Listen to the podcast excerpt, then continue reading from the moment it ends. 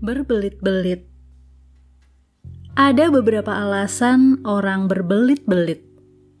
Entah itu bohong, menyamarkan yang sesungguhnya, sungkan, atau tidak tahu arah tujuan.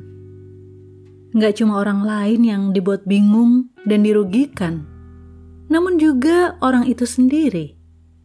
Sebab banyak berkelit membuat dirinya juga terlilit pandangan yang jelas, dan hati yang bersih diperlukan agar hidup tidak berbelit-belit.